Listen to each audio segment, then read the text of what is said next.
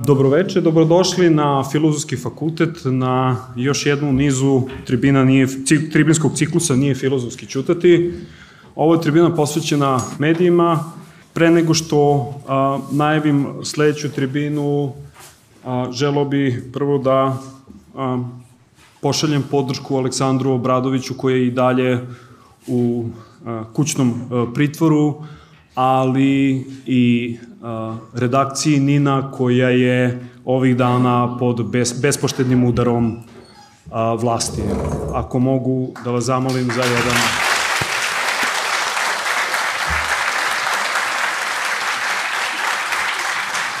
A večerašnji gosti su je Olja Bečković, autorka i voditelja Utiska nedelje i PG mreža. A, tema čitaj kao što jeste ili nije napisano, slušaj kao što jeste ili nije rečeno i gledaj kao što jeste ili nije prikazano. O uticima a, u našoj, o našoj stvarnosti, novinarstvu i politici iz ugla profesija danas, odnosno večeras govore novinari PG mreža, Lila Radunjić.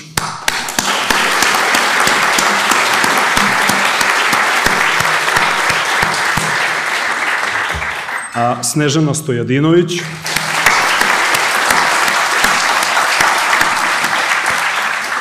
A, Rade Ranković.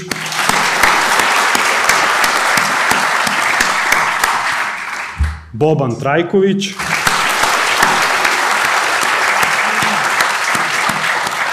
Vlada Milić. I naravno moderatorka Olja Bečković.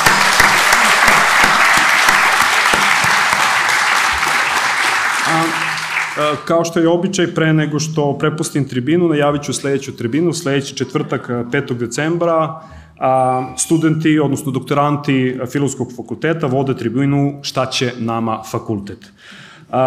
Pre... I na kraju bih dodelio certifikat o nacionalnu frekvenciju, odnosno dodelio, filozofske dodelio nacionalnu frekvenciju, utisku nedelje i PG mreže.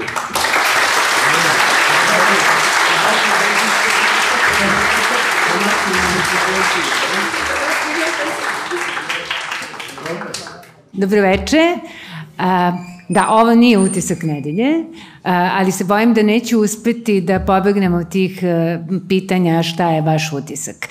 Kad smo stavili ovaj naslov slušaj kao što nije rečeno, gledaj kao što nije prikazano, nismo ni slutili da ćemo, evo, baš na današnji dan imati najbolji primer kako se nešto predstavlja da je prikazano što nije prikazano. Naravno, mislim na naslovnu stranu Nina.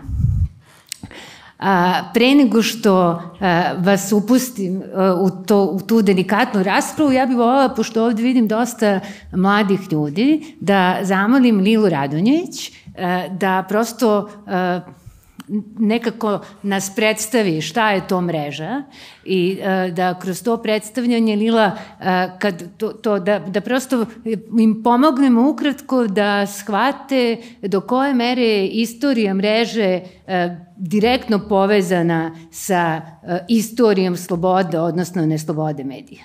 Svaka promena vlasti značila je i promenu uređivačke politike i na izvestan način izbacila profesionalnost iz me, tog medija. Mi kad smo došli u Studio B kao jedna velika i hrabra ekipa, odlučili smo da ne pristanemo na nikakve dilove i da ne budemo niči port paroli. Proveli smo zato u Studiju B na tako važnim mestima, ja mislim na šest meseci.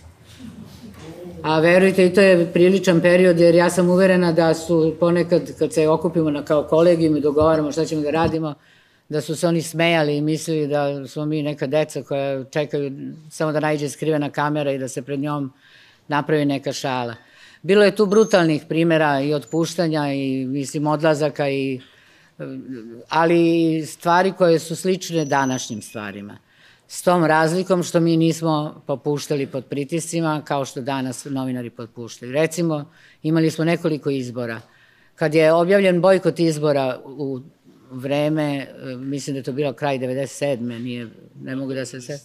Da, Kad je objavljen bojkot izbora od strane jedne stranke, mi smo kao novinari odlučili da pratimo i aktivnosti bojkotaša, ne samo aktivnosti onih koji izlaze na izbore. To je naravno nailazilo na ozbiljan otpor mnogih u kolektivu i van, posebno onih koji učestvuju u izborima, ali smo izgurali da do izbora praktično imaju pravo nastupa i oni koji na izborima ne učestvuju. Danas, kao što vidite, to nije ni blizu, niti je moguće zamisliti da će se iko baviti onima ko, sem kroz e, tabloide, baviti onima koji su odlučili da glasaju ovog puta.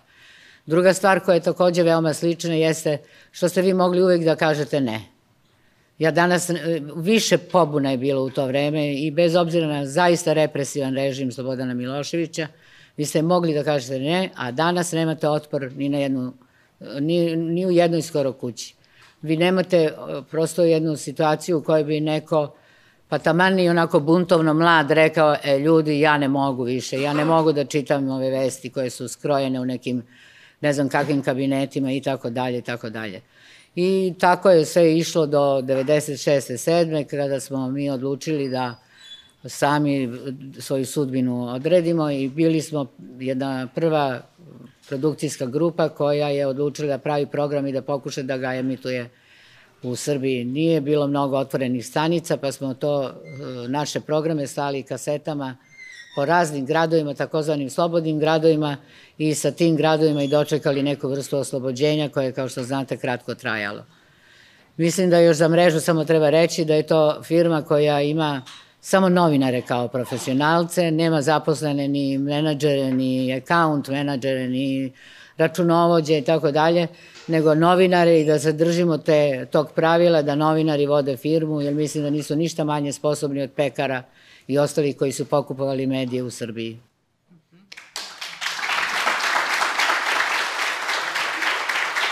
Pa, Vlado, evo, šta ti misliš o aferi naslovna strana NIN? Ja nisam video. Šta se Hrabro. Desilo, šta se desilo sa? Stvarno, ne, rado bi odgovorio, ali ne znam šta se to desilo. E, naslovna strana Nina je odlična za prodaju Nina i mislim da je Nin dobio fantastičnu reklamu, neplanirano i bogato. Znači ja sam jutro to video na RTS-u, mislim da je jedno dva minuta trajala reklama Nina sa pričom da je danas u Skupštini bila tema budžeta, ali da se nije pričalo o budžetu, nego da je glavna tema bila naslovna strana Nina onda je Martinović pokazivao Nin sa tom strašnom naslovnom stranom, na kraju imamo epilog da je Nin završio sa belom naslovnom stranom, U svakom slučaju, bravo za kolegi iz Nina. Šta god daje, odlično su reklamu napravili, a sad, šta mislimo o naslovnoj strani, pa mislim, uspela je da proda novinu. Ali šta je uspelo da proda novinu? Je li prodala novinu naslovna strana ili je uh, naslovna strana koju nam je neko rekao da je, da je to na naslovnoj strani ili je to, da li to prosto jedna izmišljena priča? I da, evo, uh, ja ću da ispričam svoj slučaj. Dakle, ja sam juče videla posle podne, negde oko dva, sam videla kako se uh, na Twitteru pojavila vest kolege skandalozna naslovna strana, ovo vam ništa nije trebalo. Ja sam gledala u tu naslovnu stranu pet minuta da probam da ukapiram šta je skandalozno i nisam videla ništa. I onda sam uh, gledala ona slova, ko ruši krušik i mislila sam da možda tu ima neki rebus koji bi mogao da se pročita ne znam kako. Onda sam shvatila, tražila sam neku psovku, nešto da ima, nisam ni to videla. I tek nakladno uh, sam čula Dakle, na Pinku da je to nešto senzacijalno, skandalozno i brutalno. Dakle, da li bi iko ukapirao da ima nešto strašno na toj naslovnoj strani da nam to nisu javili preko medija koji podržavaju vlast? Ja imam isti problem kao i ti, ja ništa nisam video strašno na toj naslovnoj strani, dok mi nisu rekli šta treba da vidim, ja sam obratio pažnju na to, ali meni je to izgledalo, e, izgleda mi kao loša naslovna strana, više mi je falila, recimo, Petričićeva karikatura, jer ta fotografija mi izgledala potpuno onako bez veze, neka puška, neki kao Vučić, neki ljudi tu okolo, potpuno nisam umeo da je pročitam na pravi način, pa su mi onda pomogli da pročitam.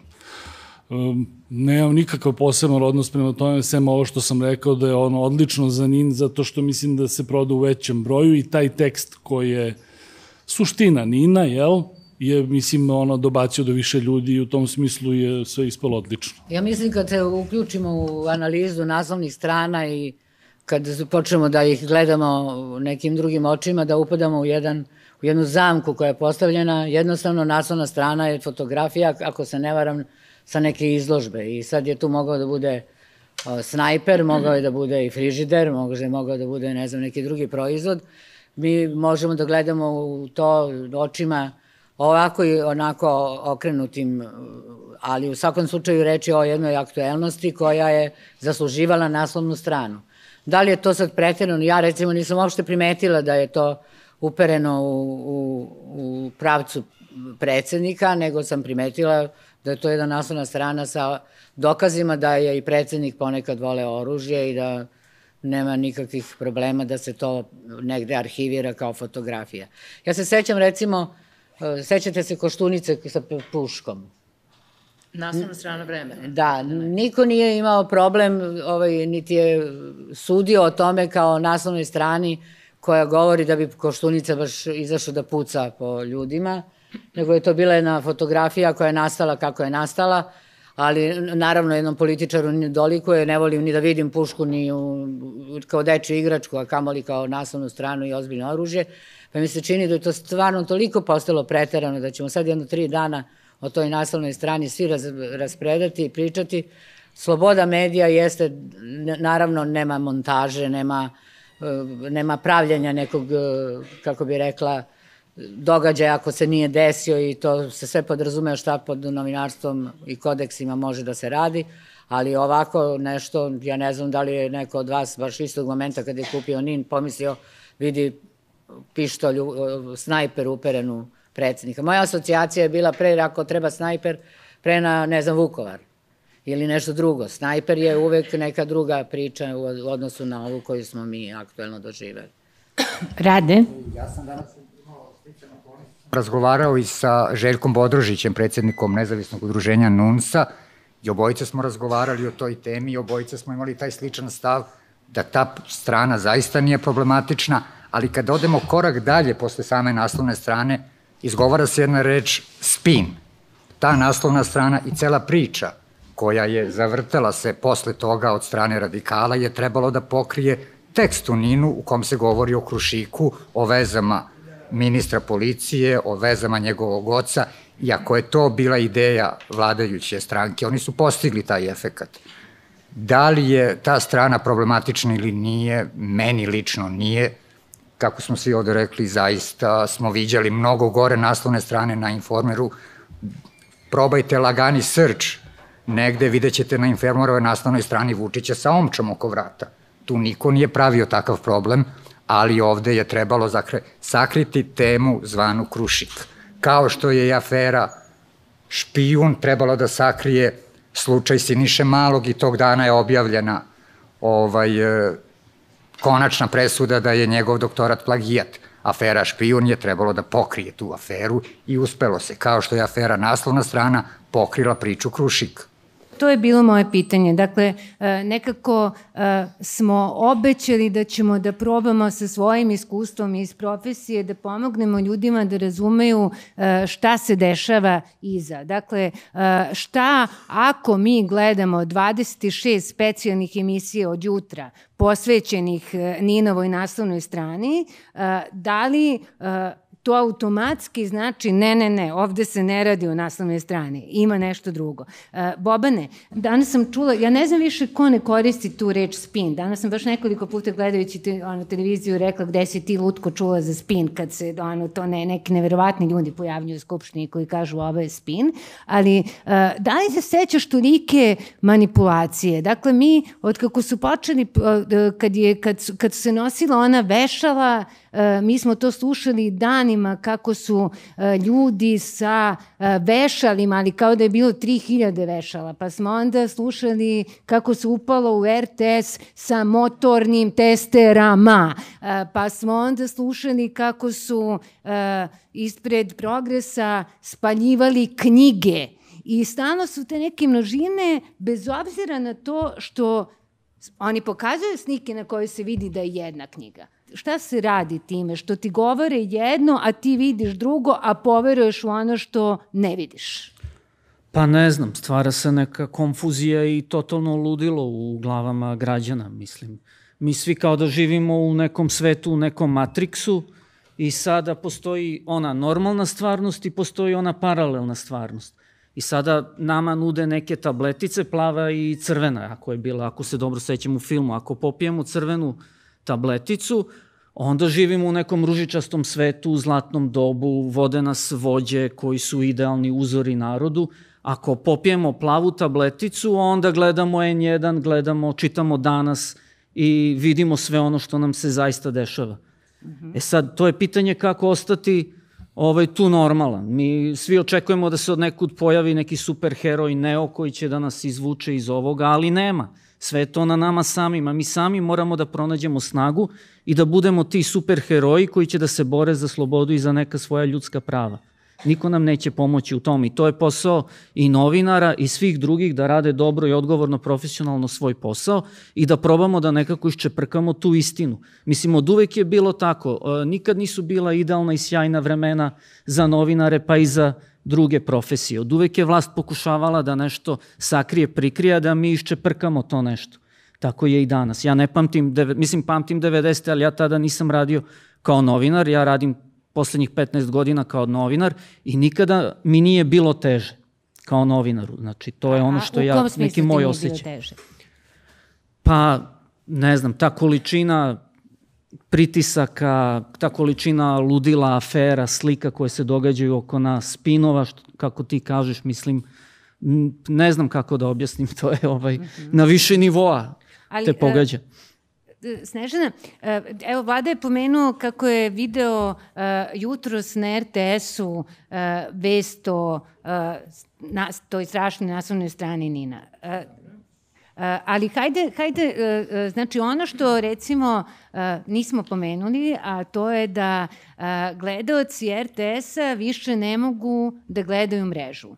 Dakle, mreža je skinuta sa programa RTS-a, mreža je nestala. Pre tačno dva meseca. Ali kajde da čujemo zašto. Da li to ima veze sa tim zato što je trebalo da se sakrije neka stvarnost koje je bilo uh, moguće videti da ne budemo pretenciozni jedino u mreži, ali možda i jedino u mreži? Mi nismo mogli da napravimo praznu stranicu na drugom programu televizije Srbije, ali smo jednostavno nestali i posle izvesnog vremena obavestili javnost da odlukom rukovodstva uh, javnog servisa mi više ne možemo da se emitujemo na drugom programu javnog servisa. E, cela stvar se desila potpuno neočekivano, da tako kažem. Direktor je odlazio da potpiše godišnji ugovor, verovao je Vladimir Milić, jeste, verujući da se ta saradnja nastavlja, da nema razloga da mi sumnjamo i da se bojimo da ćemo nestati sa programa, međutim, bez ikakvih reči dobio je odgovor da nema nastavka saradnje i da mreža više ne može da se emituje. Niko od odgovornih, ni glavni urednik RTS-a, ni direktor nije pripremio nikakvo objašnjenje, saopštenje, niti mogućnost da mi nešto saznamo, pozivi telefonski, SMS poruke, mislim na to se ne odgovara i mi smo, zahvaljujući interesovanju naših kolega koji su, kada su čuli da smo mi iznenada skinuti sa programa, tražili odgovore šta se to desilo, šta smo to mi radili, zbog čega smo nastradali, saznali da, eto, jednostavno taj program više ne može tu da se emituje. Ako me pitate šta je razlog, u čemu ja vidim povod, Pa teško mi je da sad posle dva meseca ovaj, izgovarim tako isfiltriranu rečenicu u kojoj ću vam reći da smo nešto zabrljali. Mi ništa nismo zabrljali. Sve ono što smo radili je bilo normalno. Pričali smo, na primjer, u poslednjoj emisiji o tome u kakvom je stanju demokratija u našoj zemlji. Pozvali smo relevantne ljude, profesore, kvalitetne sagovornike i objasnili neke probleme koje u ovom društvu postoje. O tome govore i predstavnici vlasti. S vremena na vreme i od njih čujemo takve ocene. Govorili smo o Trgu Republike. Govorili smo o tome kako je izgledalo postojanje tog trga od 19. veka pa do današnjih dana. Čak se nismo ni bavili tim građevinskim problemima, da li su kocke dobre, nisu kocke da li su dobro složene, nisu složene, kakvi su materijali korišćeni, znači izbegli smo da se bavimo temom građevinskih i urbanističkih problema, bavili smo se istorijom postojanja trga na kome su se mnogi ljudi okupljali da se raduju, da proslavljaju neke pobede ili da se bune protiv nečega. Ali to izgleda nije bio dobar izbor i rukovodstvo RTS-a je, pretpostavljam, bilo u nekoj stanji, sta, nekom stanju strepnje i brige, šta li ćemo mi to njima da ubacimo u... Uvalimo. I uvalimo, tako je lepa reč. I verovatno su odlučili da više nemaju tu vrstu tenzije u svojim programima ili su imali direktan zahtev da taj program jednostavno više nije dobrodošao na ovom njihovom drugom programu.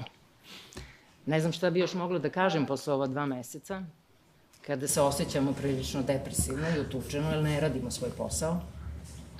Pa možda, možda nije nezanimljiv uh, moment. Uh, dakle, mi kad kažemo pre dva meseca, uh, a s obzirom na situaciju u kojoj nas svaki dan bombarduju nečim, uh, dakle, teško da neko može da se seti konteksta. Dakle, uh, mreža se posle Koliko godina? 22 godine. Posle 22 Upravo godine se skida u uh, nedelji ili u mesecu intenzivnih razgovora o otvaranju medija. Tako je, i dijaloga sa evropskim... I u nedelji kad se prvi put u vestima RTS-a, kad se RTS otvara za Informer. Informer i kad se prenosi šta je rečeno u Informeru. Jeste. To je bio neki potpuno, ne znam da li je to neka poruka za nas bila ili ne znam već kako da doživimo celu stvar, ali ne znam kakva je to koincidencija, čemu je to trebalo da služi. Dragan Bujošević je pokušao da objasni da je to bio promašaj, propust. Ali šta, šta da je prio znači? promašaj? To što se informer pojavio. Aha, aha, aha. I što je neko Ali... pokušao da... I mi ni ne znamo u stvari kako se to desilo. Niko se nije pozabavio tom temom. Ne možemo da dopremo do njega da ga pitamo. Ali šta bi... je tražio aha, da to... Kada smenjuju, kad smenjuju novinare, oni ga pošalju dokumentarnu redakciju i svi rade na dokumentarnom programu višegodišnje istraživanje i slično. A kada smenjuju emisije, onda kažu nema ugovora i onda lepo vas sačekaju i ne objave, ne ponove ugovor, ne bez jednog razloga, ne raspišu tender pa da izaberu nekog drugog, bar da se pojavio neko drugi na to mesto. Ne, jednostavno, vreme je jako rizično, niko neće da rizikuje sa uh, temama koje nisu napred dogovorene u centru spina ili te, već gde se dogovaraju i mi smo suviše opasni postali jer jednostavno niko više nije ostao da radi, osim naravno kolega sa N1, da radi na taj način, da bira temu i da je obradi na način bez sugestija nekog šefa velikog. Ti si rekla na početku kako u, u, vreme, u vreme Miloševića kako je mogo da se kaže ne. A šta se to desilo pa sad ne može da se kaže ne? Šta se to desilo pa nema niko na javnom servisu koji će reći ne, ja neću da čitam šta je rekao informer ili da ne, ne govorimo samo o, o javnom servisu. Šta se to desilo da uh, izgleda kao da ljudi drugog izbora osim da uh, lažu, potpisuju neistine, nemaju? Šta se desilo? Pa ja mislim da je naravno ceo ambijent mnogo drugačiji nego eto pre 25-30 godina. Drugo, Milošević je ipak bio u jednom ratnom periodu kad je antiratna da kažem, mašinerija proradila punim, punom parom i kad je bilo jasno da mora da se zaustavi to. Ali, druge strane, desilo se da se prosto naša publika promenila. Pogledajte, to su, to su pa, ove, farme, palme, kako se zovu već? Zadruga. Zadruge i tako dalje. To je publika koja glat će da podrži svaku priču i da nikad neće pružiti otpor ni na najstrašniju stvar. Mislim da vrlo često da izdinu mlade devojke, ne ništa naravno loše, ne mislim o tome. Jednostavno, ekran postaje cilj sam po sebi, uopšte nije važno šta govoriš, ko ti je napisao tekst i u ime koga govoriš. Mislim da je otpor neophodan. Prosto otpor mladih ljudi u redakcijama, na studijama, na fakultetima mora da bude vidljiv i da bude neophodan da bi se pokazalo da nećemo svi da učestvujemo u izgradnji kulta jedne ličnosti koja je takva ličnost. Prema tome, Mislim da egzistencijalno pitanje može da dođe u obzir kao izgovor, ali verujte, i mi smo bili pred egzistencijalnim pitanjem, pa smo nas devet dobili otkaze bez problema i onda krenuli u jednu anturu koja je evo dovela do ovde. Opet smo praktično dobili otkaze. Ali mora da se pokaže otpor sad ja ne znam u kom obliku, da li je sa pesnicom kao nekad ili neki drugi znak, ali otpor mladih ljudi je nužan. Ja mislim otpor već polako počinje da se javlja i da je u tome, da je zbog toga reakcija režima ovako jaka. Znači, neki ljudi počinju da objavljuju dokumente, neka deca neće da rade, dolaze u mrežu da neće da rade više tamo gde su radili i da je to razlog zbog čega ovaj, vlast naprednjaka danas reaguje ovako oštro kao što reaguje. Ovaj, ja znam da sinoć kad sam video tu naslovnu stranu, da se vratim na to kao povod, znam da mi je pala roletna jer sam odmah shvatio kakav će mi biti današnji dan. Pošto ja radim i kao dopisni glas Amerike i mogu sam da shvatim šta će danas da me čeka. I najviše me u toj priči nervira što smo prinuđeni da ulazimo u tu priču, iako bih ja lično izignorisao ceo, ceo spin koji smo ovaj slušali ce, ceo dan, međutim prosto ne možete da ostanete sa strane i da posmatrate kako se šire neistine, laži, konstrukcije, kako se ni od čega pravi stvar kojom ćemo, kao što rekoh malo pre, zatrpavati razne druge istine sa kojima živimo. Šta bi ti, eh, recimo, eh, Vlado, voleo ne voleo kao zato što ekscentrik pa ti bi malo voleo, nego šta bi voleo kao novinar i kao profesionalac i kao građanin uh, da uh, vidiš i čuješ na javnom servisu, a toga nema. Ili na nacionalnoj frekvenciji, kako god hoćeš. Ili šta bi voleo da ne vidiš, a čega ima. To mnogo sad ne mogu da ti odgovorim na sve, ali volao bi da ponovo vidim mrežu na recimo javnom servisu i e, volao bi da vidim utisak nedelje na javnom servisu. To bi mi bio neki dokaz da je ovo postala normalna zemlja. Hvala Ognjenu, tu smo na dobrom putu. Ovo je dobar znak. Ovo je dobar znak. E, stvarno to mislim da, da, da, da bi ovaj, utisak nedelje na javnom servisu, to će biti, da znate, dokaz da smo postali normalna zemlja. Ako neko dočeka to.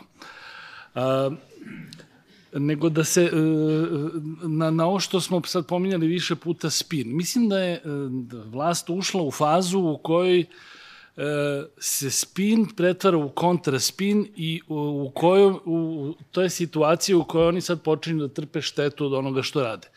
Ja sam zato izabrao da kažem da je ovo bila dobra reklama za NIN. Znači, ideja je bila da se sakrije tekst, ali mislim da su svi pohrali da vide šta je u toj novini, pa, pa će... Pa da, ali, ali znaš šta je nevolja? Što Nina nema na kioscima, pošto su neki drugi pohrlili da ga sklone odatle. Okay, Tako da mi se čini da... da tim pre, ono... tim pre, tim pre će se Nin onako kao da, davati je kao komša i skeniraj mi, ono, fotokopiraj mi Nin.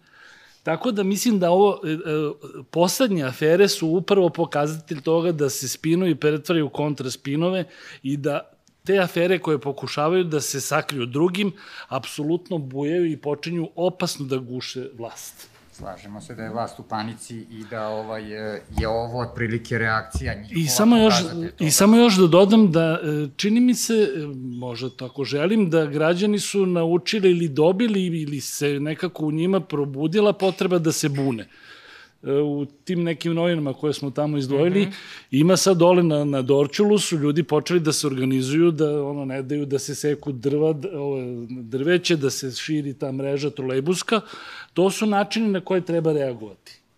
Ali e, Ko to zna? Gde si ti video da se na Dorčelu neki ljudi okupljaju i ne daju da se seče? E, dobro, to sad, ovi Dorčolci, Dorčolci oni znaju zato što se to dešava uh -huh. tamo, ali postoji svuda, postoji neki mali Dorčol gde ljudi ne moraju da to vide na RTS-u ili na nekoj televiziji dovoljno je da se pronese glas u komšiluku, e, idemo da protestujemo, ne znam, zbog parkinga, zbog ovoga ili zbog onoga. Prosto to je nešto što treba da se obnovi. Mislim da smo mi imali i nekako sam verovao da je ušlo u naše kolektivno ponašanje ili u kolektivno pamćenje i svest da kad ti nešto nije dobro ti se buniš, mislim da smo zaboravili to, ali evo mislim da se nekako to poslednjih dana menja. S jedne strane se to stalno govori, e, da nam je nacionalna frekvencija dva meseca, sve bi se promenilo. E, vlast e, dnevno govori o tome sa raznih platformi, e, kako N1 ne postoji na registru, kako to ne gleda niko, kako danas čita 12 ljudi, kako NIN čita 11 Ali ako je već tako, čemu tolika drama? Dakle, e, kako mi možemo da razumemo da e, je svaki dan na nacionalnim frekvencijama makar po tri specijalne emisije koje se bave time šta je napisao NIN i šta je napisao danas i šta je rečeno na N1, i da se parlament bavi time ako, to, ako mediji nisu važni i ako tih 200 koji to vide nisu opasni za ovu vlast. A samo si odgovorila. Pa pomajte, nemoj, nemojte da se složite. Bobane, evo, evo tebe da pitam, ti se, to je isto jedna od priča kao e, ne znate vi, e, vi se bavite krugom dvojke, ne znate vi Srbiju. Ti, ti znaš Srbiju, ti ono, do, dosta putuješ i dosta radiš priloga koje, koji ne dolaze direktno iz Beograda. Šta je tvoj osjećaj? Ljudi znaju šta se dešava? Pa mislim da ljudi znaju šta se dešava, ali postoji neki strah. E, ali ono što je dobro je, počeli smo da primećujemo da taj strah nekako e, ljudi savladavaju i počinju da se bune i da se bore za neka svoja prava. Ono što je meni bio utisak nedelje, neki od ove nedelje, je e, Čika Božidar iz e, jednog sela pored Vrbasa, koji nije hteo da plati 70-godišnja, koji nije hteo da plati vodu, zato što do, im vodovod dostavlja vodu koja nije za piće.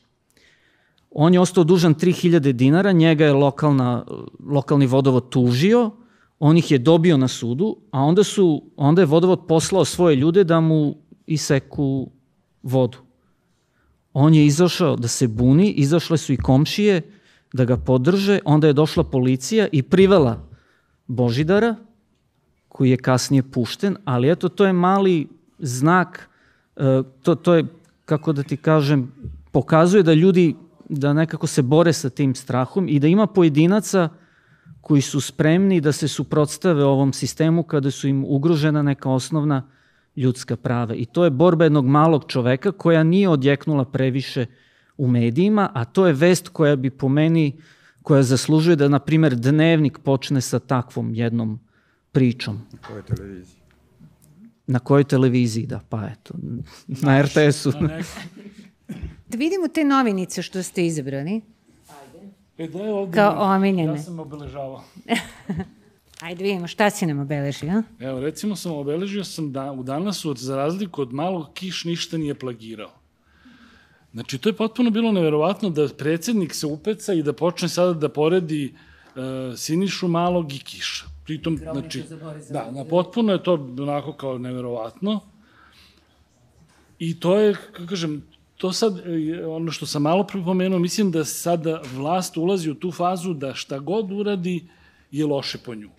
I to je neka srećna okolnost za, za nas građane, čini se. Ali kako mi recimo, eto, meni je to zanimljivo, uh, nisam baš sigurno da su ovaj upecao.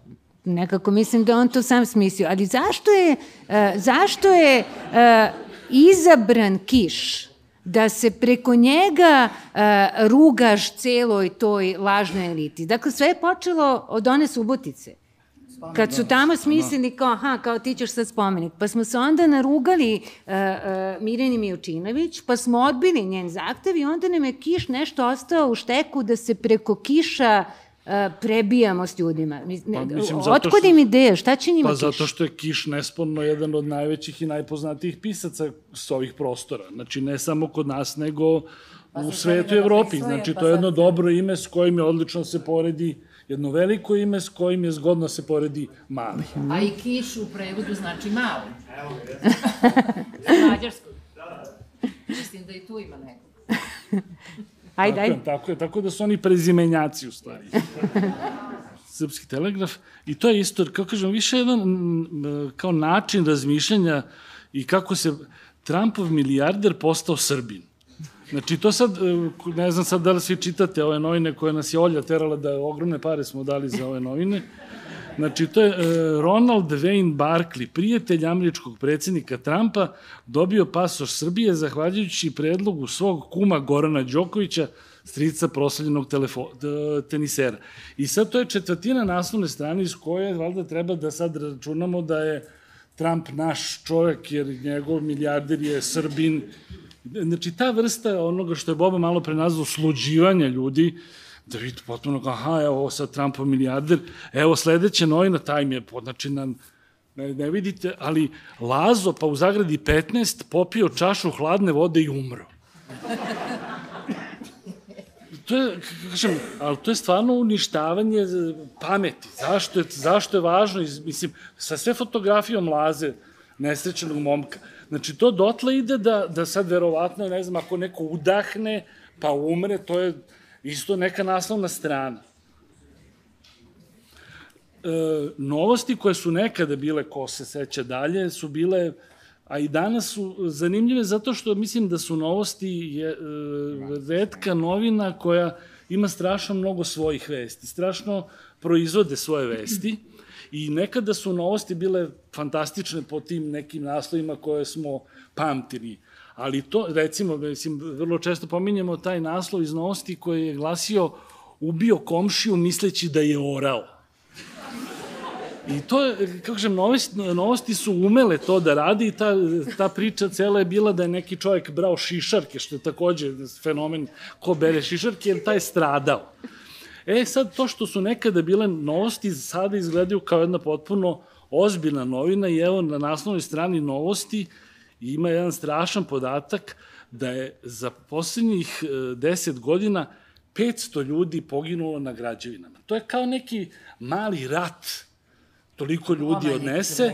500 ljudi je poginulo na našim gradilištima koja, kao što pretpostavljam, znate, uglavnom služe za pranje velikih para, a nisu ti stanovi namenjeni ljudima koji mogu da daju toliko za to. Evo sad nek uzme neko drugi neke novine. Vučić Andreju ispunio želju. Možda uh, da neću, e, evo, recimo, pročitaj ti pa ću ja da kažem šta, šta ja mislim o tome. Moram da skinem naočare.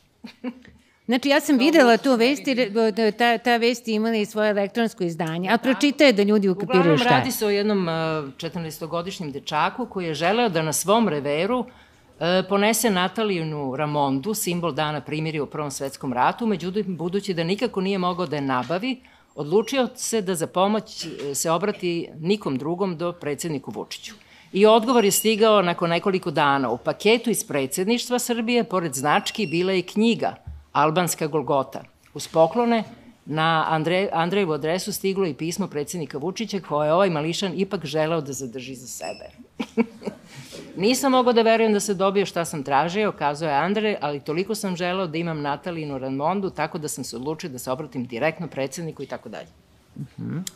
U elektronskom obliku? U elektronskom obliku je sve to bilo, videli smo i dečaka i njegove roditelji koji se ispričaju tu potresnu priču, ali sad je, recimo, meni kao, da. kao uredniku utiska, za mene je to bio problem. kako to da stavim, a da se ne rugam tom dečaku? Jer taj dečak nije ništa odgovoran. Čak mislim da dečak nije ni nešto skroz u redu. Ma ne, dečak ali, je znači, potpuno normalan, je... pa ovde se do, do, ne, može Vučić da završi, da. se. Do, dobro, dobro, ali, ali prosto ta, ta, ono, užasno mi je to što, što su to prosto tako skovane priče da ti ne možeš da jednog izdvojiš od toga. Ne možeš da... Ali vidi, e, Nila, e, e, vlada je preskočio ovaj naslov koji isto nije, da nije dirljiv. Veljko Bogdana će roditi malog Željka. Uh, mislim da je negde iznad podatak da je 3,5 miliona ljudi uh, gledalo tu svadbu uživo. Uh, a meni se učinilo da prosto da nema ni jednog drugog razloga, da je sve super, da su stvarno ono, nikad veće penzije, da je sve božanstveno, da je sloboda medija fantastična, da je dovoljno razlog da se beži odavde glavom bez obzira taj podatak da 3,5 miliona gleda uživo svadbu čiju lila. Ali mene zanima ko je uhvatio Biedermajer. To je bila dilema celog jednog dana i bila je potpuno nerešiva dok nismo saznali na kraju. Ja, ja bi radije o tom Željku, ovom prvom Željku, zbog koga smo mi u jednom trenutku A to mi, da, to sam ti pitala, da. da, da li, mislim, da li, da li to što mi, jer mi to prenosimo, uh, jer mi to uživo gledamo uh, svadbu Željkovog sina, našeg junaka ili, ili, ili pravog Željka. Ono, našeg večitog Arkana, jer, jer to poenta. Pa je, po, jer mi time kažemo da je Željko zaovek naš. Poklopilo se u suštini, ja mislim i po mesecima kad se to desilo, ali u svakom slučaju e, tada je Arkan osnovao partiju i dobio samim tim prolaz na televizijama, postao je ovaj, kandidat sa Kosova, mislim, prijavio se tam, da vam ne pričam, znate već i sami kako se baratalo tim glupostima. I uh, Arka nije glupo svakako, ali uh, opasnost.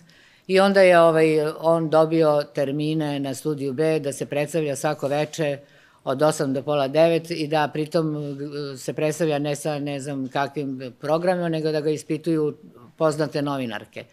Mnoge su odbile, već pogađate ko. On je naravno plaćao u čokoladama 100 maraka guru u džep devojkama i tako dalje i tako dalje. Mi smo se pobunili i prestali da radimo i taj put.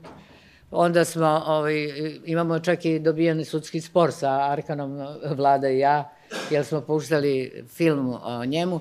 Znači, mogli bi da se ispišu stranice i stranice tog podzemlja koje je danas tu, evo vidite, ne nadzemno, nego na vrhu ne znam kog solitera, ovaj, i koliko je se stvari pomerilo sa ondašnjeg doba gde su bili zaista negativci i svi smo to znali, a danas ljudi ne znaju da su to negativci. Mladi ljudi ne znaju ko je Arkan, oni znaju ko je Željko i da će biti mali Arkan sutra, ovaj, isto mali bokser, a tata je ostao čuveno ime u istoriji. Tako da je to strašno, to je ono što bi ja volela da gledam na RTS-u. Ta, to bogata arhiva, ko je ko, šta je ko radio, čime se bavio, kako je vodio razne događaje, nisu ni bili spinovi, nego ne znam kako da nazovem te grube laži i neistine. Dolazio i donosio kao dopisnik najkrvavije slike sa ratišta. Pa ne praktično je bio urednik televizije. Praktično je bio urednik televizije koji nas je oterao kao nebitna bića. I sad vi gledate tu svadbu veka, mamu, sestru, bra, sina i mislite je li to sledeći korak. Mislim da smo bili vrlo blizu i da su oni tu u stvari u toj ekipi. Meni se, e, kad sam gledao, de, nisam gledao sve, ali malo, ono što sam vidio izgledalo kao da smo mi dobili neko novo plemstvo. Uh, u jednom trenutku neka voditeljka ispred hrama je rekla da će, ne znam, čin venčanja obaviti porodični sveštenik. Duhovnik. Duhovnik, duhovnik. To, to mi je izgledalo kao se, to su neke generacije Ražnatovića koji su, ne znam, stvarno plemstvo i da tu nekako mi živimo, imamo sreću da živimo negde blizu njih. I da to jeste i najavljeno kao to je svadba, eh, svadba veka, to je bila svadba veka, to je bila naša, naš odgovor na ono Dijanu i Charlesa. Meni je tako izgleda, znači, čak Brena i Boba, mislim da ovo ne, još nekako, jer je njihov otac vitez. Mislim, ne znam da li se sećate, ali Željko je bio vitez, on je bio junak koji je branio srpstvo, Novi Obilić i tako dalje. I sad prosto mi imamo tu jednu novu lozu koja je od Željka krenula, pa sad ćemo ponovo dobiti Željka ok, znači to je imalo 3 miliona, 4 miliona, 5 miliona gledalaca. Uh, predsjednik je gostovao uh, u ponedeljak na Happy u 3 sata. Uh, emisija je počela odma, naravno, posle, posle parova. Ili kako se to zove? Parovi, da, parovi, to što ide na Happy-u. Pažljivi gledalac, kao što sam ja, takvih formata, predsjednik uvek gostuje između ta dva reality programa. Sve jedno je da li je to na Happy ili na Pinku. I uh, uvek se uh, nekako tamo organizuje da pre nego što se on pojavi, tamo nastane neka teška bruka. Znači nešto se psuju, ubiju, ovo i ono, jer uh, su već svi ukapirali da se rejting diže što je veći prostakluk. I kad se to desi, kad neko nekog pljune, tad se pojavljuje predsjednik. Dakle, kako se to desilo da je omiljeno mesto i platforma sa koje se predsjednik e, obraća ono gde se gaji najveći prostakluk? Kako se suđeš tako? Ja govorim svoje utiske. Ja ne znam, ja nisam pratio tu svadbu, moram da priznam da krečim, pa sam ovaj, sticajem okolnosti izbegao sve, sve te stvari, ali prosto predsednik zna da je najviše publike. Jer i on privlači tu zajedno sa parovima i on se tu obraća. Ništa kod njega nije slučajno. To hoću da pitam. Zašto predsednik neće da ide na N1, a hoće da ide na Happy? Zašto uh, i zašto hoće da ide isključivo u tim terminima?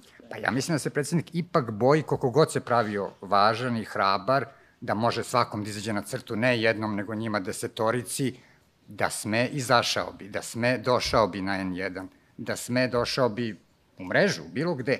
Ja prosto mislim da on zna tačno gde gađa, zašto gađa, koga gađa i čime ga gađa. Nije to nikakva mudrost, on je veliki majstor propagande, kažu da po ceo dan sedi i prati rejtinge. Ne, Čak- ja, ja, pokušavam da bukvalno iščačkam ono što nas e, stalno pitaju, a niko od nas nema odgovor. Kao, ko je kriv što ljudi neće da kupuju danas? Ko je kriv e, što će ljudi da kupe 200.000 ovoga? To, ko, ko je za to odgovor? Ja, izvini, ja samo mislim da to što da ti brojevi nisu tačni. Znači, ja ipak, iako si ti rekla da s 3,5 miliona ljudi je gledalo, ja mislim da nije gledalo 3,5 miliona ljudi svadbu veka plemenite loze e, Ražnatovića i mislim da ove novine nemaju tako veliki tiraž kao što mi mislimo. Da je to tako, mislim da govori i to kako se predsednik ponaša. On pokušava da lovi emisije gde ima veliku gledanost. Pa ja ne bih skroz abolirala ni građane, malo.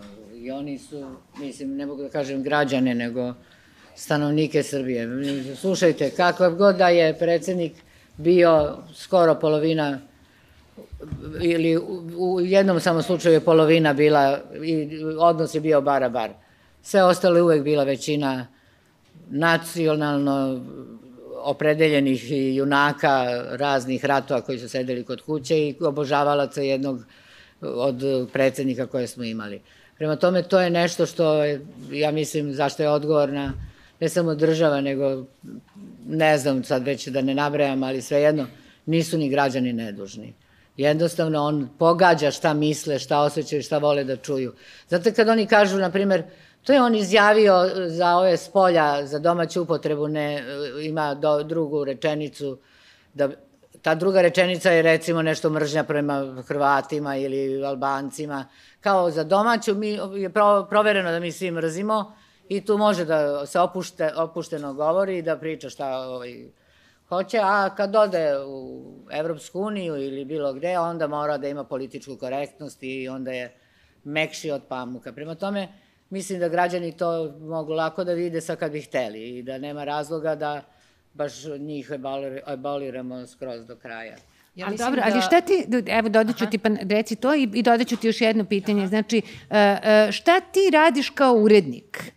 Ako si suočen sa tim, da, ljudi žele ovakve sadržaje, ljudi žele da neko se svađa, rejtinzi emisija su utoliko veći što se manje čuje šta ljudi govori, što je veća dreka i što više govore istovremeno. I ovo što mi govorimo, da ništa se tu ne radi slučajno. Dakle, šta onda ti radiš kao urednik? Praviš negledanu emisiju ili praviš nečitane novine ili kažeš pa dobro, ajmo praviš, i mi da napravimo nešto slično. Praviš za određenu publiku, ako si tako koncipiran, vidiš da je Ninova strana promenjena na sugestiju vlasnika. Ako imaš vlasnika, ti si svakako u jednom odnosu koji nije baš do kraja slobodan. Prema tome, ti možeš da nudiš teme koje se obraćaju ljudima za koje veruješ da su dovoljno obrazovani ili dovoljno politički prisutni ili tako, kako bi rekla, koji su ona klasa koja uvažava takva mišljenja u tim novinama. Ne, možemo, ne možemo svi da pravimo tabloide i ne radimo to verovatno ne samo za, po ličnom ukusu, nego što je to potpuno logično. Međutim, ovi tabloidi nisu tabloidi, ovo je zaista, ovo su pamfleti, oni iz iste, iste naslove, iste događaje, iste ličnosti, istu minutažu daju plaćeme na analitičarima. Mislim, vidite sami da je to jedan štab koji kaže jesi pokrio Studio B, jesam, jesi ti pokrio Pink, jesam, jesi ovo, nešto se slabo na Happy-u, aha, sad ćemo zovemo, i tako dalje. To je jedna aktivnost permanentna koja vodi računa o svakoj sitnici. Ja sam uverena da oni znaju u glavu ko sedi ovde. Mislim, ne samo u smislu neke tajne službe, nego u smislu što ih to zanima i što mogu da vas upišu ili otpišu one koji će sutra glasati za njih. Pa oni, znate šta, prete ljudima koji neće da pređu sa SBB-a na MTS. A pritisak MTS-a na, na naša vrata je tako veliki da vi zaista ovaj, ne možete da živite od njih. Bez pitanja u zgradama postavljaju svoje kablove i svoje sisteme i ako kažeš neću SBB, on kaže nećeš, SB, nećeš, neću MTS, nećeš MTS. Dobro da znamo i tako dalje. Jer vi ste se time kva, ovaj, opredelili. Opredelili, vi ste se time, o, dali ste ličnu kartu, ko ste i šta ste, gledate li ovo ili ono? Ja sam tela Aha. da kažem da ja sumnjam u tiraže ovih uh, brojnih tabloida, uh, odnosno sumnjam u to da oni žive od uh, toga koliko novca zarade od čitalaca. Sigurna sam da dobijaju dotacije. Praktično stranka pomaže sve to što vidimo pred nama, čak možemo i da kažemo neke konkretne stvari, ali nije sad trenutak da prozivamo i kažemo ko su ti koji dotiraju opstanak ovih medija i nagrađuju urednike određenih e, tabloida. A pitala si me kako se ponašamo i kako smo se mi ponašali. Da, ali sam htela da smo... dodam da ja mislim da ti nisi u pravu. Dobro. Uh, I, uh, da, dakle, pre, pre ono, jednu godinu mhm. -huh. dana sam imala tu priliku da nešto švrljam po bolnici nedelju dana i stvarno sam mislila da je skrivena kamera. I da Dobro. da bukvalno meni za inat svi tamo sede i čitaju informer. Znači, bukvalno to u onim kolovima, ne VMA, u onim ogromnim čekonicama, znači i to, ono, ko se doče po svog, a ko ne, on gleda preko. Pa dobro, Tako vidim da ja u banci kad uđem, pazi ja, kad uđem u banku Dobre. vidim da imaju informer, ali ne verujem, mislim, znači, mogu da pomislim da određene banke imaju dogovor da nabavljaju informer. Mislim, nisam se dublje bavila tom temom, ali saznala sam i čula sam da određene stvari se finansiraju i na neki drugi način, jel? Prelivaju se pare medijima. Hajde sad slobodno nastavi. Sumnjičala sam. Dobro. Ovaj, pa pitala si kako pokušavamo da održimo neki mir, profesionalnost i da se bavimo svojim poslom, a da ne, ne zađemo u ove teme da ovaj, Bogdana i ovaj, Veljko otvaraju mesaru, na primer, da nas to ne zainteresuje. Pa generalno mislim da smo već odavno zauzeli neki svoj profesionalni stav, imamo neki svoj kod po kome radimo, ne možemo baš sad da se pretvorimo u nešto drugo, prosto ne želimo. Nismo spremni na to. Imamo svoje neke, uh, neka svoja pravila, neki svoj način kako Sredene radimo linije. i u suštini znamo šta je šta, umemo da prepoznamo neku temu i da razumemo kako treba da je uradimo. Kako to za odlični novinar na filozofskom obrazovanim i savjestim građanima pričaju o prostaku. Da li, e, da li je postojanje tih prostačih glasila toliko uticalo na klimu i mentalitet i nivo ovoga društva, da je prostakluk postao legitimna tema za odlične savjesne novinare i dobre građane. Jeste, ja? jeste. On je postao legitimna tema zato što smo, to je ono zapljusnuti, to, to je tsunami prostakluka i prosto vi, ne mož, vi morate da, da, da živite u tom talasu koje je naišao na, na vas. Pa ne možete, prosto, kao kažem, to, to je teško, ne, gotovo je nemoguće. Ali šta, šta je... Šta, ako ignorišete, onda, ako ignorišete, onda ne znate da živite. Ja baš sam pristalica da svi gledamo zadruge, mislim, a da ne mogu. Ali da gledamo svi zadruge i ove, te reality programe, da vidite, to je neverovatno. Ja mislim da ne verujete svojim očima šta gledate i šta slušate. I znači, to je toliko postalo... Ne, ma de prija, kako prija, dođe da pobegnete na kraj sveta. Jer nekako nikako ne pristajete da je to okruženje u kome raste vaša deca, u kome vi radite ili tako, tako dalje. Ali verujte da ne znate koliki je to pro...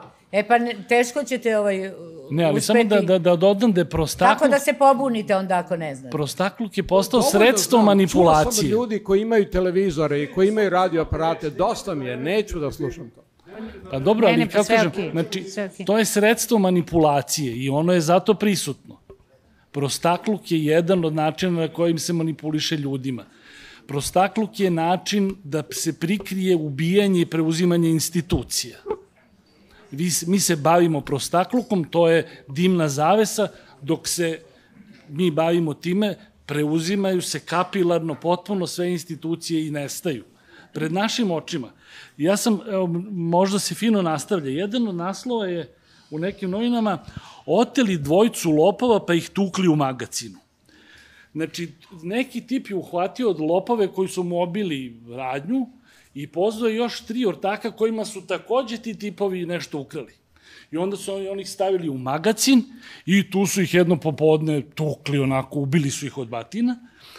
Posle policija došla i uhvati, uhapsila tu četvoricu primer nekog futbalera koji je, ne znam, mlad, meni ništa ne znači to ime, znači on se vraća s utakmice, presreli su ga ljudi, znači na autoputu, presreću njegov auto i traže mu da im da 5000 evra.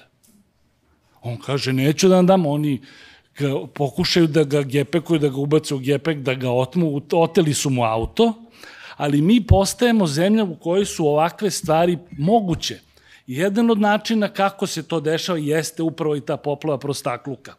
Ovi koji su oteli lopove, može nama da bude simpatično, ali oni su jedan od pokazatelja da ovde ne postoji država, da ovde nema više institucija i da ljudi počinju polako da preuzimaju stvari u svoje ruke.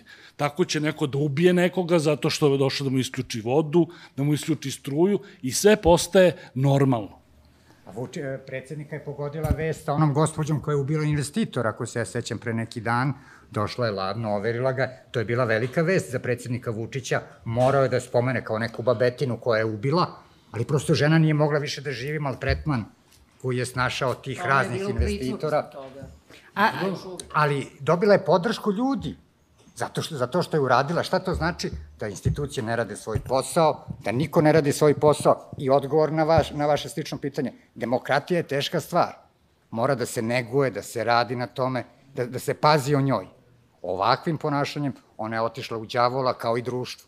Ali ovo što je, ovo što je gospodin pomenuo je, uh, o, o, tome, o tome smo stvarno često razgovarali. Dakle, uh, i to se pojavilo kao nešto što uh, čemu svedočimo na fakultetima e, političkih nauka, na oceku novinarstva, na fakultetima, na oceku novinarstva na, na bilo kom fakultetu. Znači, mladi ljudi govore, oni žele da budu novinari, ali e, veoma odvažno govore da ne čitaju novine i da ne gledaju televiziju. Ne zanima.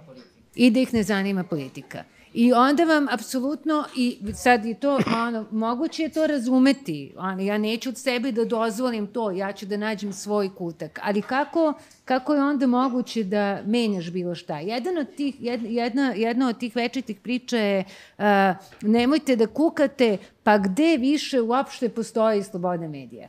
Pa evo, Rade, pomenuo si da, da radiš i za Glas Amerike, Je li ima slobode medije ima. na Mislim, glasu Amerike? Tiče, znači uvek ima. nas neko zakuca time i kaže pa nema, to više nigde ne postoji. Što vi hoćete nešto što nigde nema? Pa ja prosto mogu da kažem posle 20 godina iskustva da ima slobode medija i da sam zaista srećan, zadovoljan što imam, što mogu da radim normalno svoj posao. Znači, zna se šta je danas tema, zna se šta se dogodilo, čak i ova priča sa naslovnom stranom rekli smo da je tema, uradili smo je normalno, postoji tu Bodrožić, postoji Ćuruvi, ovaj, Ćulibrk, pokojni Ćuruvi, ja sam ga pomenuo, pustio sam čak i ministra policije, imate dve strane, vi birajte ko vam odgovara.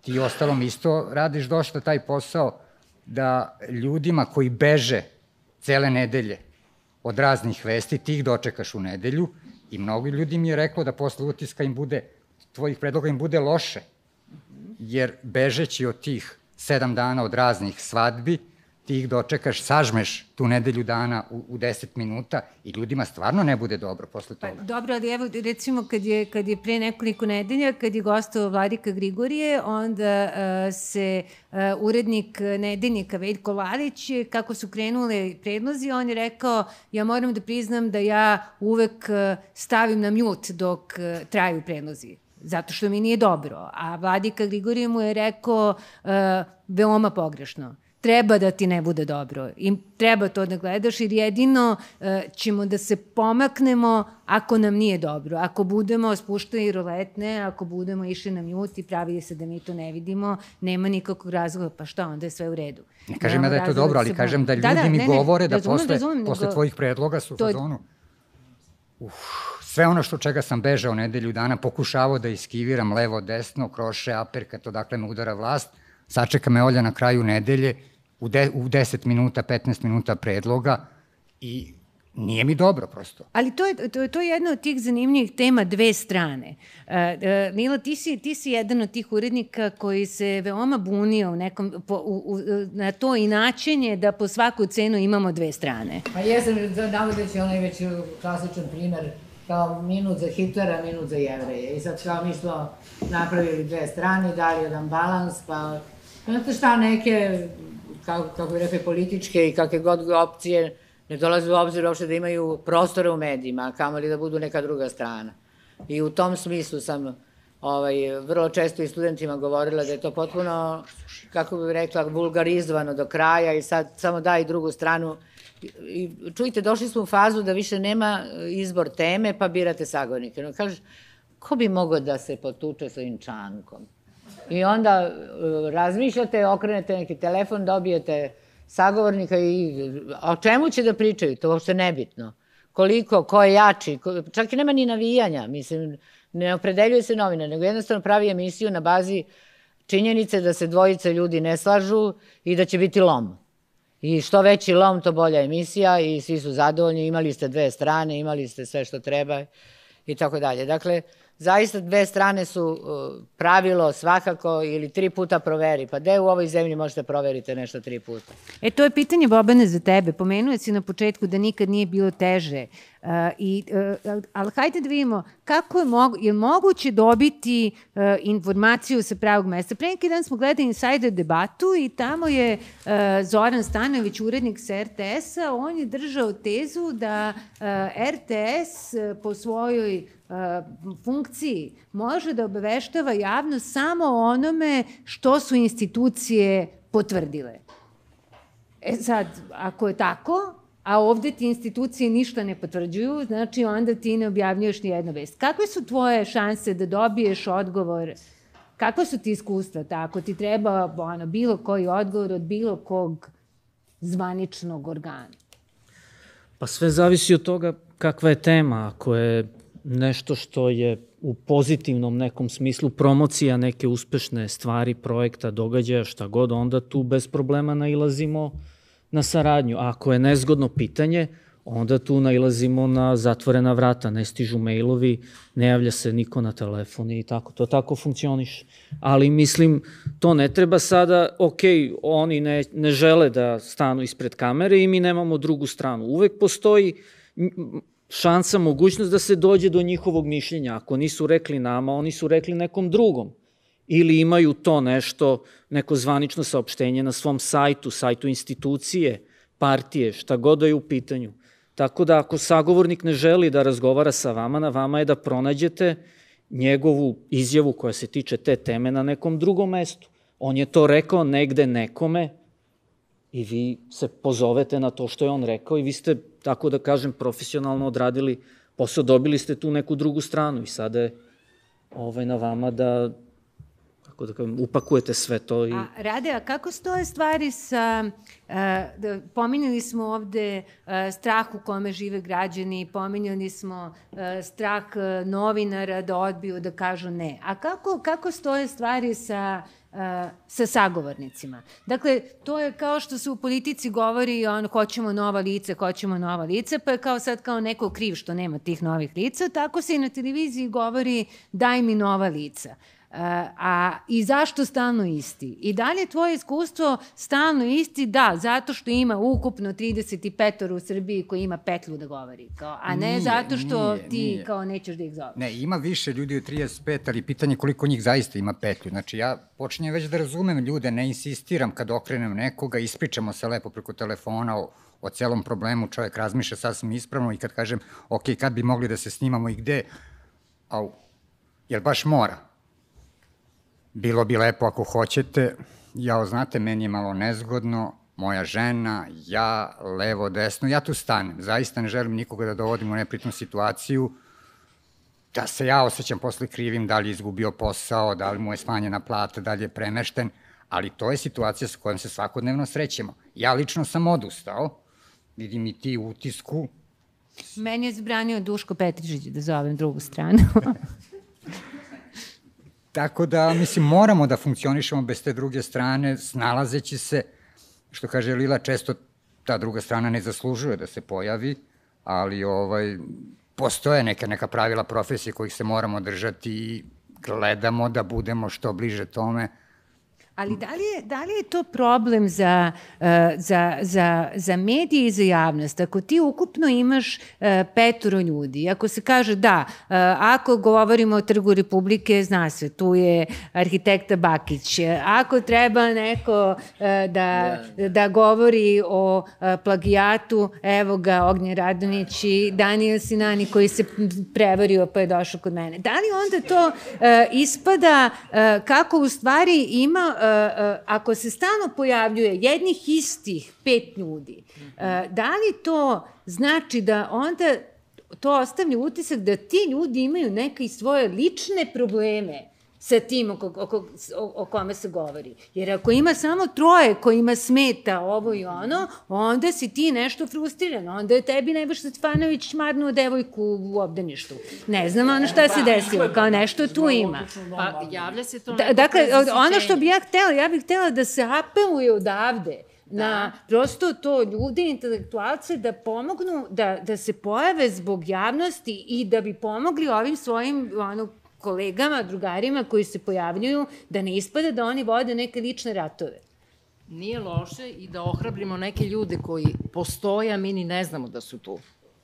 Znači, na nama je da ih otkrijemo, da ih iščeprkamo i da saznamo da postoji neki drugi sagovornici, jer prezasićeni smo možda ljudima koji se dok dođu kod nas na red, već su sve ispričali i zapravo čini mi se da se to možda i tebi dešava, da smo već čuli hiljadu tih nekih izjava, ali postoje ljudi koji ipak imaju šta da kažu, možda su malo u nekom, kako bih rekla, zastrašenom stanju. Mi smo nekim od takvih ljudi dali podršku kroz mrežu koja 23 godina imala i promotivne trenutke za neke od njih. I ovo Bakić je, na primjer, imao prve svoje uh, televizijske izjave baš u mreži. Možda nije trenutak da se hvališ tim. ali baš jeste li je ovo njegov fakultet? pa nek se zna. Znači, Jovo je bio zbunjen, iznenađen, vlada je bio taj koji je imao konekciju sa njim i jednostavno ga je ohrabrio da govori o nekim temama. Zaista se više ne sećam šta je bio povod. Ali e, čini mi se da ljudi treba da shvate da neke poslove koje rade, koji su u suštini javni, zaslužuju da izađu iz nekih okvira njihovih kancelarija.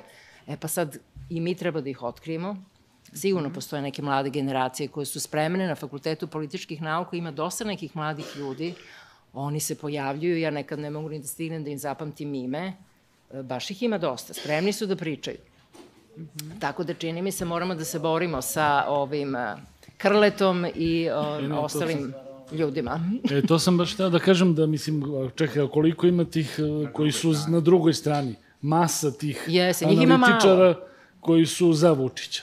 Pa nema, ima ih pet ali e, ima, e, ima i malo novinarske lenjosti da traži nove sagovornike, tražimo nova lice, jer ti je lakše kao, aha, dobro, on će sigurno Znamo da, da bude hoće. karijerni diplomata, će da priča bilo šta što je sporna politika, ne ideš dalje, jel? Tako da treba, e, slažem se da postoji nešto što je novinarska lenjost, da se ne trudi previše da otkriva nova ali, lica. Ali, da, ali, ali ima tu još ali nešto, ti da preuzimaš da odgovornost. E, ali, e, ja, mana, mm -hmm. evo ja sad recimo, kad bi se ponovo rodila i zvala profesora Sinanija, a da znam da će posle toga onda postane Marićen, Marićev objekat iživljavanja, ja nisam sigurna da bi mu dala tu prosto nepristojnu ponudu. Ko dođi, jer to je sada postao paket. To je postao paket aranžman. Ako zoveš nekog, ti ga zoveš i automatski ga kandiduješ za naslovne strane tabloida i za ono, nastupe analitičara.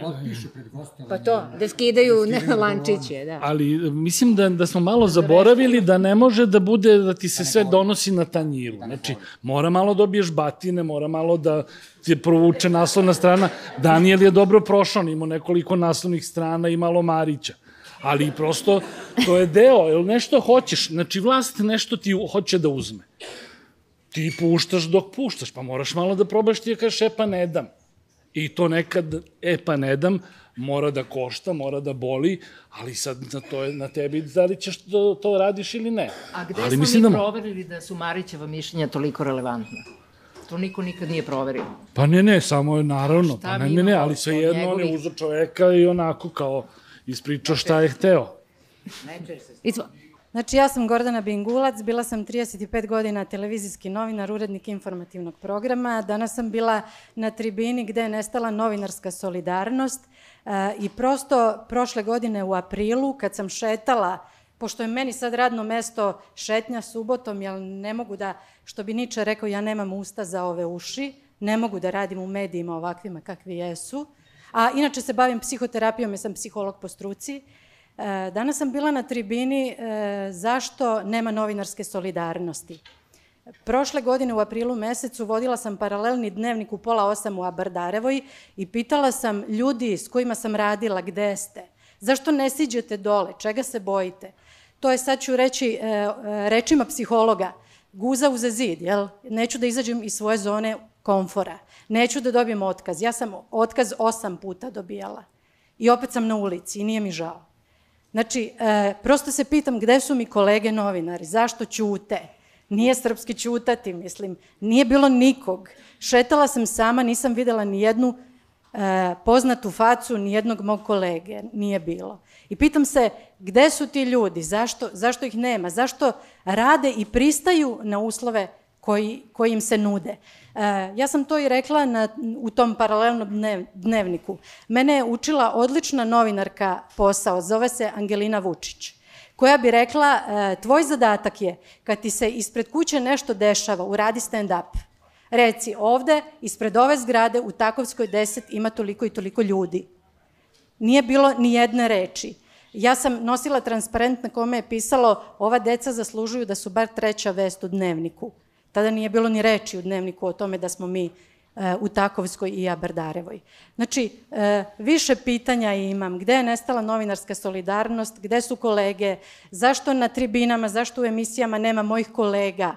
Koji sad e, koji su bili odlični novinari na televiziji Politika, koji sad prodaju na trafici srela sam koleginicu koja prodaje novine na trafici za 25.000 mesečno radi. Bila je odličan novinar. Pa dobro, evo, hvala vam. Evo, koleginici, bili smo na istom događaju danas. Ja sam samo postavio kolegi pored sebe pitanje, to je primetio sam da su samo dve kamere. Treća je bila od e, medija centra sa istim pitanjima. Gde su ljudi ovde? A zapravo oni su u nekim trafikama sakriveni jer im je lakše da za 25.000 prodaju novine nego da u redakciji se bore sa, sa mnogim glavama, sa mnogim Izvinjam urednicima. se, prva ja, ja se više ne bavim novinarstvom, bavim se psihoterapijom. Ovoj zemlji je potrebna kolektivna psihoterapija. Svi smo prolupali i kad kažete zašto gledamo parove, e, Marić je u pravu, on je, mi smo ludi, nije, nije sloba kriv, mi smo govna, jel? Znači, Marić je u pravu, mi smo, mi smo u krivu, što se nadamo nečemu. Naravno, ja sam na vašoj strani, pričam bez veze, ali ispada da su oni pametniji od nas. Zato što ljudi su previše umorni, previše smo depresivni, previše smo se istrošili i treba mi cecina svadba da bi se odmorila. Ali smo i tim pre i opasniji zbog toga. Pa znam, ali ja vam govorim o mojim prijateljima koji su e, fizičari, matematičari, inženjeri, koji su rekli dosta mi je politike, ne mogu više da to slušam. Treba mi zabava, treba mi odmor. Čekaj, da otkud da se ceca udala? Mislim, Pa znamo za... ne znam. Njen sin. Hvala vam, hvala vam. Poželi Angelina. Nešto što ste vi sad malo pre e, konstatovali da smo opasniji. Ja nekako ne mislim da smo mi nešto opasniji. Nekako u fokusu je stalno ovaj, ta rečenica institucije sistema, trule institucije sistema. Kako to, na primjer, da se pola, na primjer, ove mase ljudi nije skupilo za sve ovo vreme, na primjer, ispred tužilaštva? Ako nam trebaju ta nova lica što ste pomenuli, kako to da u fokusu novinara nije, na primjer, neka krivična prijava koja nema veze sa nekom registrovanom političkom strankom? Na primjer, e, protest u 1 u 5 miliona je u fokusu već više od pola godine.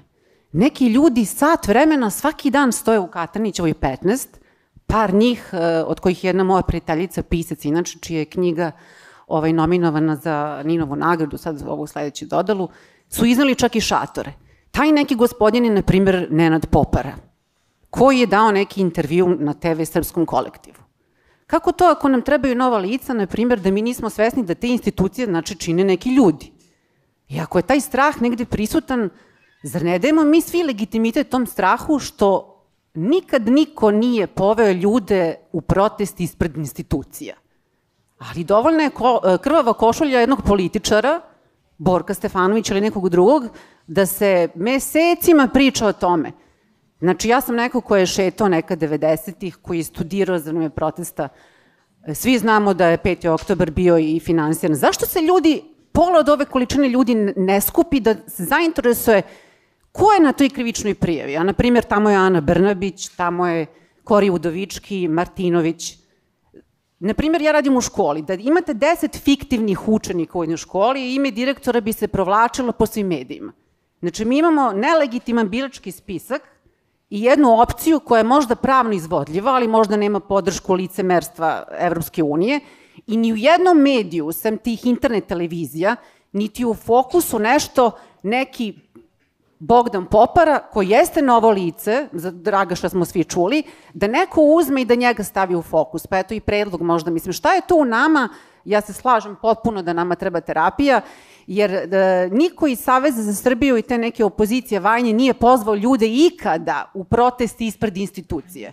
A šetamo po jednom modelu i partokratski oslobađamo TV Bastilju svakih pet godina, deset. Juče smo bili ispred tužilaštva, nije baš da se ne ide ispred institucija, ali morate da shvatite da su novinari i da su novina i malo roba, treba prodati, bolje će prodati mali nego ovo što ste vi pomenuli, to je za onu crnu hroniku, ne znamo čoveka, ne znamo ovoga, ali ovo je malo i roba, tako da moramo i o tom aspektu da vodimo računa, prosto te stvari, kad stavite malog na naslovnu stranu, da se, će se novina prodati. U bilo kom kontekstu, ako stavite neku malu ljudsku priču, pitanje je kako će roba da se proda. Da li znate zašto je kako su počele demonstracije 68. godine? Kažite Bilo je ono na, na, na fakultetu, da. nije bilo nečega. Do 12. do 12. novine i politika i borba i večernje novosti, televizija i tako dalje su nam pričali o lepoj stvarnosti. Tako? A onda ovaj, preko noći dođe do jednog velikog bunta studenta. Šta se desilo? Desilo se priredba na koju nije mogao da dođe građanin da kupi ulaznicu i tako dalje nego su distribuirali to preko komiteta, policije i tako dalje. Kad su studenti došli na tu priredbu, oni su rekli za vas nema. I dođe do bune. Znači, otprilike o, o, kraj i početak svega ovog. Pustimo, neka ide ovo dalje. Doći će do bunta. Ja sam... Probudit će se studenti. E, Dubrovka istoričarka može će me ispraviti, ali u jednoj od knjiga istorije e, Tarle ovoj istoriji, znači e, na dan francuske buržovske revolucije, Louis u svom dnevniku zapisao, znači francuska revolucija, jel, zapisao je ništa. To ništa se odnosilo na činjenicu da je on tog dana bio u lovu i da ništa nije ubio, a svet se promenio. Možda ćemo i mi dočekati neki dan kada ćemo kada će neki zapisati ništa, desit će se svašta.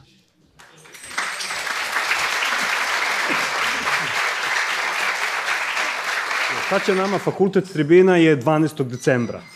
A 5. decembra je čemu služi istraživačko novinarstvo. Gosti su Brankica Stanković Insider, Slobodan Georgijev Birn i Stevan Dočinović Krik. Moderatorka je profesorka Radina Vučetić.